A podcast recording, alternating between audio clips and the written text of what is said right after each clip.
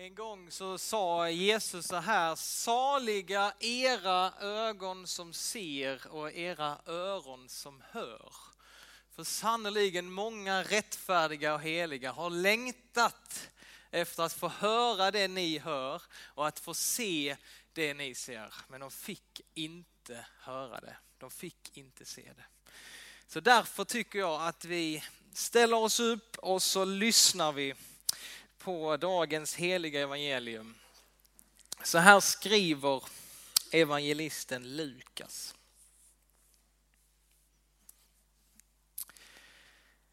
På den tiden då Herodes var kung i Judeen fanns det i Avias avdelning en präst som hette Sakarias. Hans hustru härstammade från Aron och hette Elisabet.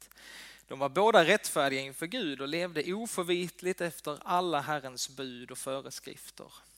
De var barnlösa eftersom Elisabet var ofruktsam och båda var till åren.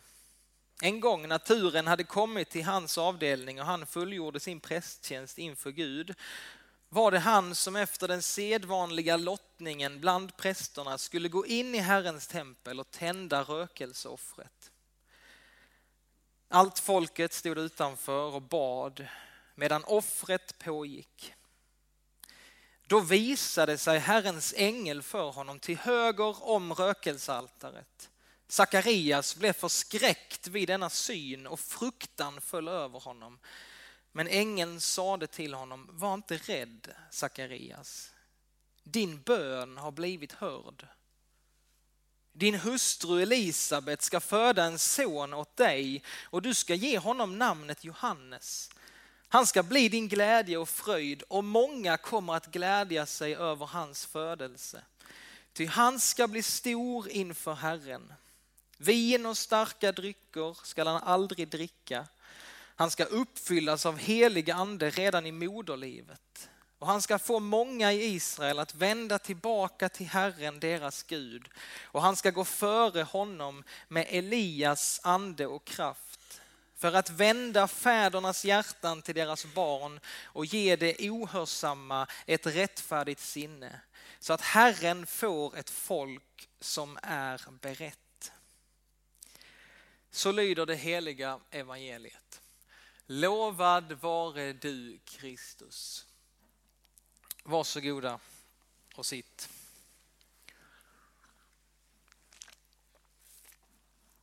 Sakarias får alltså höra detta, får möta ängeln och får det här budskapet. Och läser vi vidare här i berättelsen så kan vi läsa då eh, Sakarias respons. Och han blir inte bara liksom, ja vad kul, vi kör på detta, utan han sa, nej men Gud, hur, hur kommer detta gå till? Elisabet är ju så gammal, hur, hur ska det kunna gå till? Och ängeln förklarar hur det ska gå till, typ, inte i detalj. Men eh, han får i alla fall höra att det kommer bli så. Men för att eh, Sakarias inte litade på Gud och trodde direkt så skulle han bli stum fram till att Johannes föds. Så han kommer ut ifrån eh, liksom, stället där rökelsen var tänd. Han kommer ut och han kan inte berätta vad som har hänt utan det står att han får göra med gester och försöka förklara vad han varit med om och alla förstår att det är någonting stort. Men vi är i alla fall här i Lukas första kapitel. Och Lukas han skriver i sitt evangelium och när han gör det så börjar han inte direkt med Jesus utan han måste först berätta om Johannes döparen och hans förunderliga födelse. För Johannes, han är viktig. Han är viktig i historien, i evangeliet, för det är han som banar väg för Jesus. Och Johannes han föddes sex månader före Jesus och det är därför vi firar hans dag i kyrkoåret idag, mitt i den svenska sommaren. Det är hans dag idag, 24 juni, det är sex månader kvar till julafton. Eh, men det behöver vi inte tänka på nu. Men jag tänkte att vi skulle påminna oss om allt det som hände när eh, Johannes föddes och hans alldeles unika uppdrag som han hade. Ta det här med hans namn bara. Johannes. De flesta av oss vi får ju våra namn av våra föräldrar som bestämmer vad vi ska heta.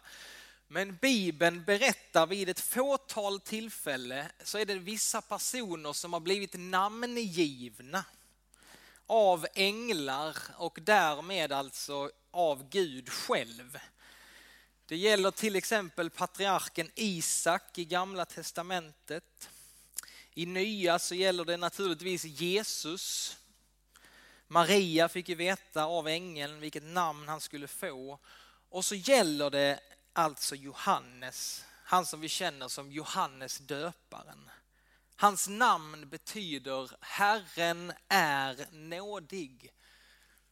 Johannes, Herren är nådig och hela hans liv vittnar på något sätt om detta. Att Gud förbarmar sig. Av nåd så skulle då Gud sända sin son Jesus och Johannes blir den som på något sätt banar väg för Jesus. Och hans födelse är ju ett verkligt mirakel. Sakarias och hans hustru Elisabet var till åren komna och de hade sedan länge liksom gett upp tanken, gett upp hoppet om att få en efterkommande. Känner ni igen detta? Känner ni igen det? Det finns flera kvinnor i Bibeln som får barn trots att allt hopp verkar ute. Gud han gör det omöjliga möjligt. Och en ängel visade sig för Sakarias mitt under hans prästtjänst i templet. Och han, när han då får höra det som vi var inne på, han hoppar inte högt av glädje och säger ja nu äntligen, utan han kan inte dölja sitt tvivel på något sätt. På samma sätt som Abraham och Sara, när Sara får höra att hon ska bli med barn och hon är ju gammal. Det står att Sara ler. På samma sätt va, kunde inte hon dölja sitt tvivel. Och för detta tvivlet så skulle då Sakarias bli stum Ända tills allting hade uppfyllts och Johannes föddes. Och då, när det sker, när han har varit tyst liksom i nio månader, ja vad händer då? Jo, då strömmar lovsång ut ur, ur Sakarias läppar och vi har den här underbara lovsången som vi nu ska läsa. Och detta är liksom det första Sakarias säger efter att ha varit tyst i nio månader. Den här underbara lovsången ifrån Lukas kapitel 1 också. Hans far Sakarias fylldes av heligande och talade profetiska ord.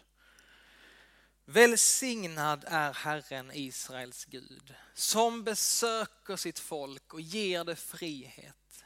Han reser för oss frälsningens horn i sin tjänare Davids släkt. Så som han för länge sedan lovat genom sina heliga profeter. Frälsning från våra fiender och alla som hatar oss. Han visar barmhärtighet mot våra fäder och står fast vid sitt heliga förbund. Den ed han svor vår fader Abraham att rycka oss ur våra fienders hand och låta oss tjäna honom utan fruktan.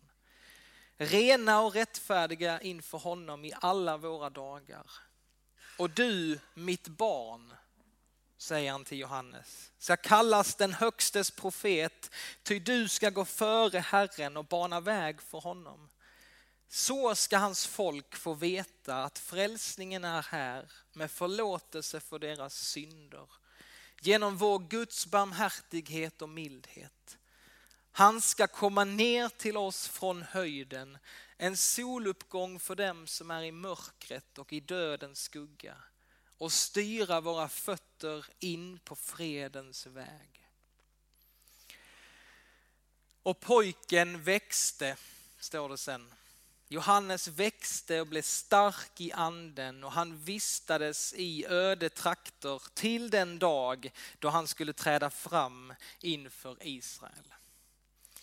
Tänk er va, Sakarias har varit tyst i nio månader och så bara plötsligt bara hans tunga löses och han bara får utbrista i den här helt fantastiska lovsången till Gud.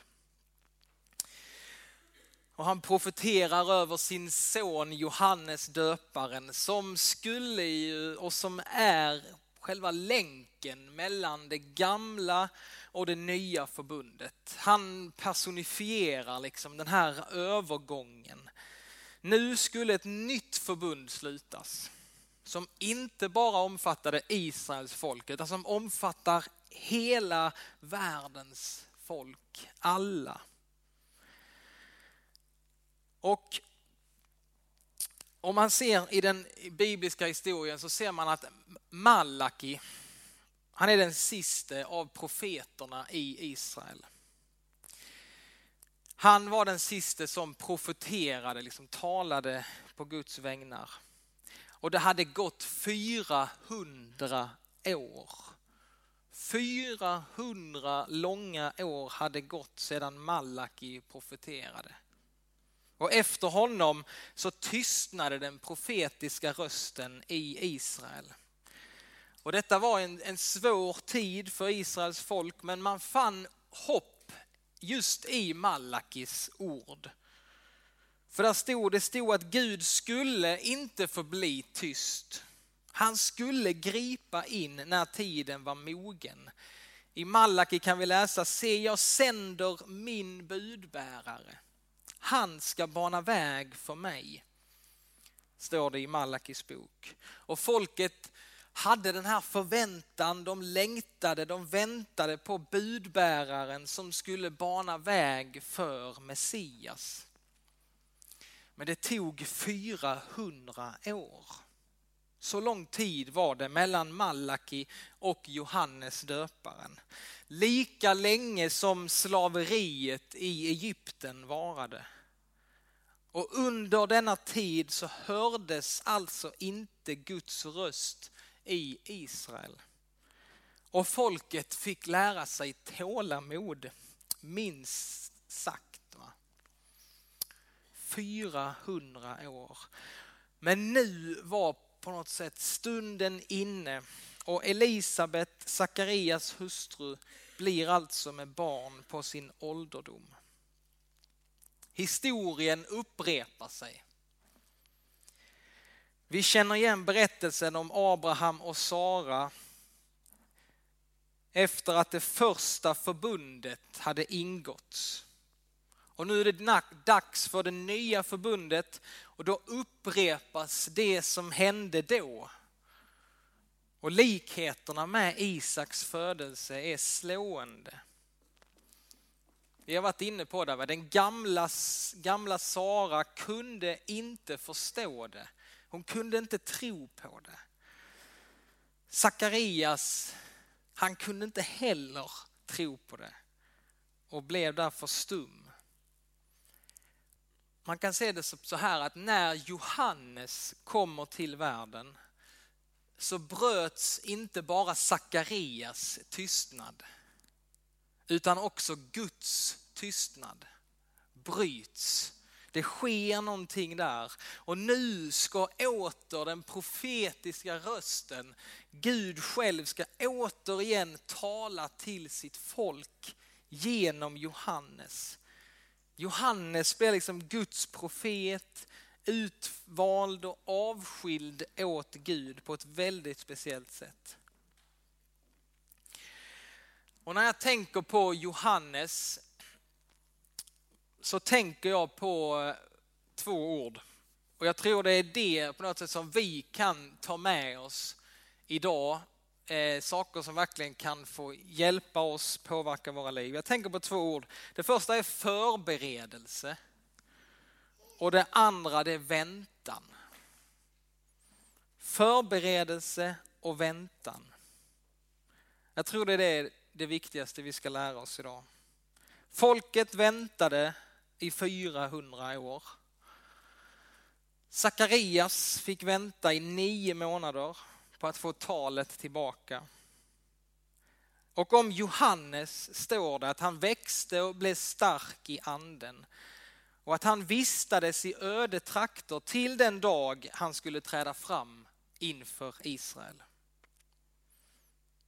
Alltså redan vid hans födelse så talade man om Johannes att vad ska det bli av detta barn? Alltså det kommer ju bli någonting fantastiskt av det här. Oj, vad kommer ske? Man förstod på något sätt att Herren var med Johannes på ett speciellt sätt. Men när vi läser så ser vi att det skulle dröja 30 år innan Johannes träder fram som profet. Vi har alltså 30 år av förberedelse. 30 år av förberedelse. Jag tror det är en nyttig läsning för oss.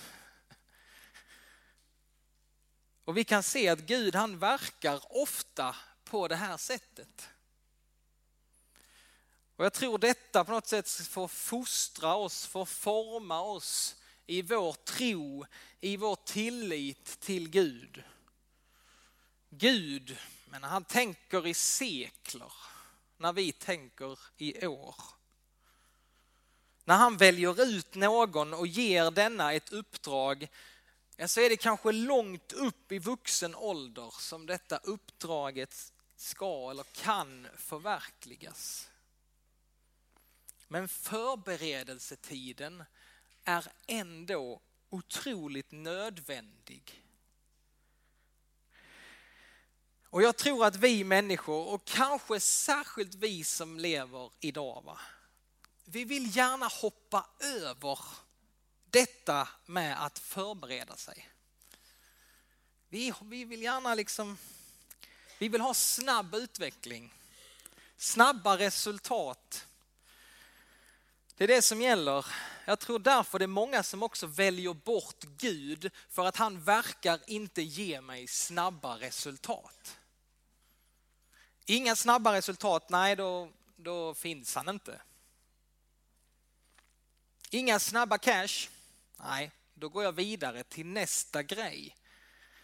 Och så glömmer vi människor, eller vi kanske aldrig har lärt oss, att mänsklig mognad att växa som människa, det tar tid. Du kan inte liksom, det finns inga genvägar. Saker och ting växer långsamt fram inom oss. Även om det inte märks på ytan så finns det någonting, Gud gör någonting i oss Långsamt för han oss, långsamt formar han oss. Vi märker inte det. Men vi får lita på, vi får placera våra liv i hans närhet och lita på att han gör någonting. Gud vet den rätta tiden, Gud vet den bästa tiden som det står, när tiden var fullbordad sände Gud sin son. Johannes fick vänta 30 år innan han trädde fram. Men hela hans liv, liksom från födsel fram till 30 år, så hade han, hans liv var liksom inriktat på det här uppdraget som han hade fått redan före sin födelse. Allt han gjorde, alla hans val, beslut skedde liksom med detta fokuset. Han skulle förbereda Israel för Messias ankomst. Det var detta han levde för. Inget annat var av betydelse.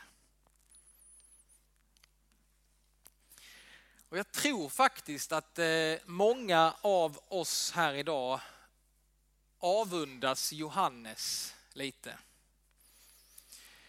Om vi tänker efter.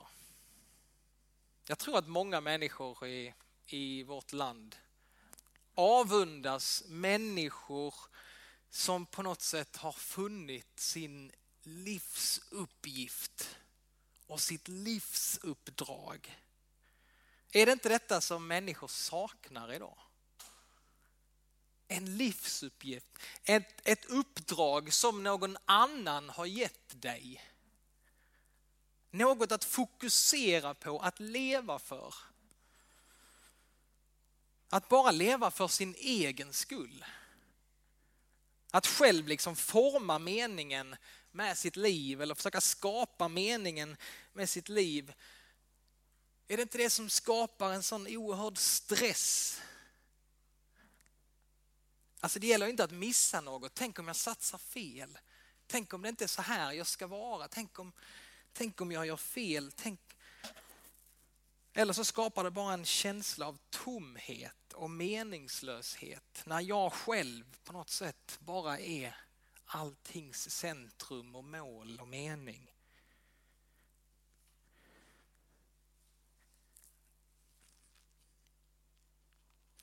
Men att söka meningen med ditt liv, att söka liksom, vad, vad, är ditt livsuppdrag, din livskallelse? Ja, då får vi inte glömma bort att det krävs en förberedelsetid. Det behövs förberedelse. Vi kan få vänta i många år innan saker och ting klarnar för oss. Och även vi skulle nog må bra av Sakarias tystnad. Att få ta tid att få lyssna, stanna upp, lyssna till sig själv, lyssna till Gud. Han som är den som kallar oss.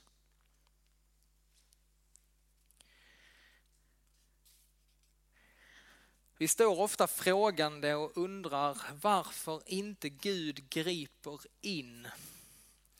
Och jag tror att en del av svaret det får vi i den här Johannes-berättelsen, i hans liv.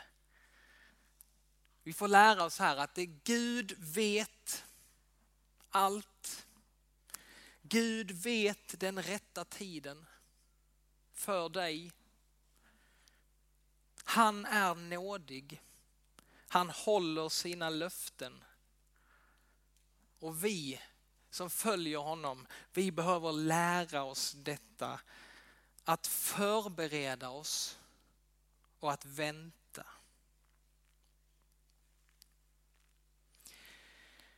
Nu vill jag skicka med er två bibelord. Jag har slutat två andra predikningar också med att skicka med er de här två. Men jag tycker de är så, det är så viktigt för oss att ta till oss det här förberedelse, uthållighet och väntan. Det står så här i Hebreerbrevet kapitel 10. Uthållighet är vad vi behöver för att kunna göra Guds vilja och få vad han har lovat. Låt det ta tid, men stanna kvar. Bli kvar i Gud i Saltaren 37. Lägg ditt liv i Herrens hand. Lita på honom. För han kommer att handla. Han kommer att handla i ditt liv.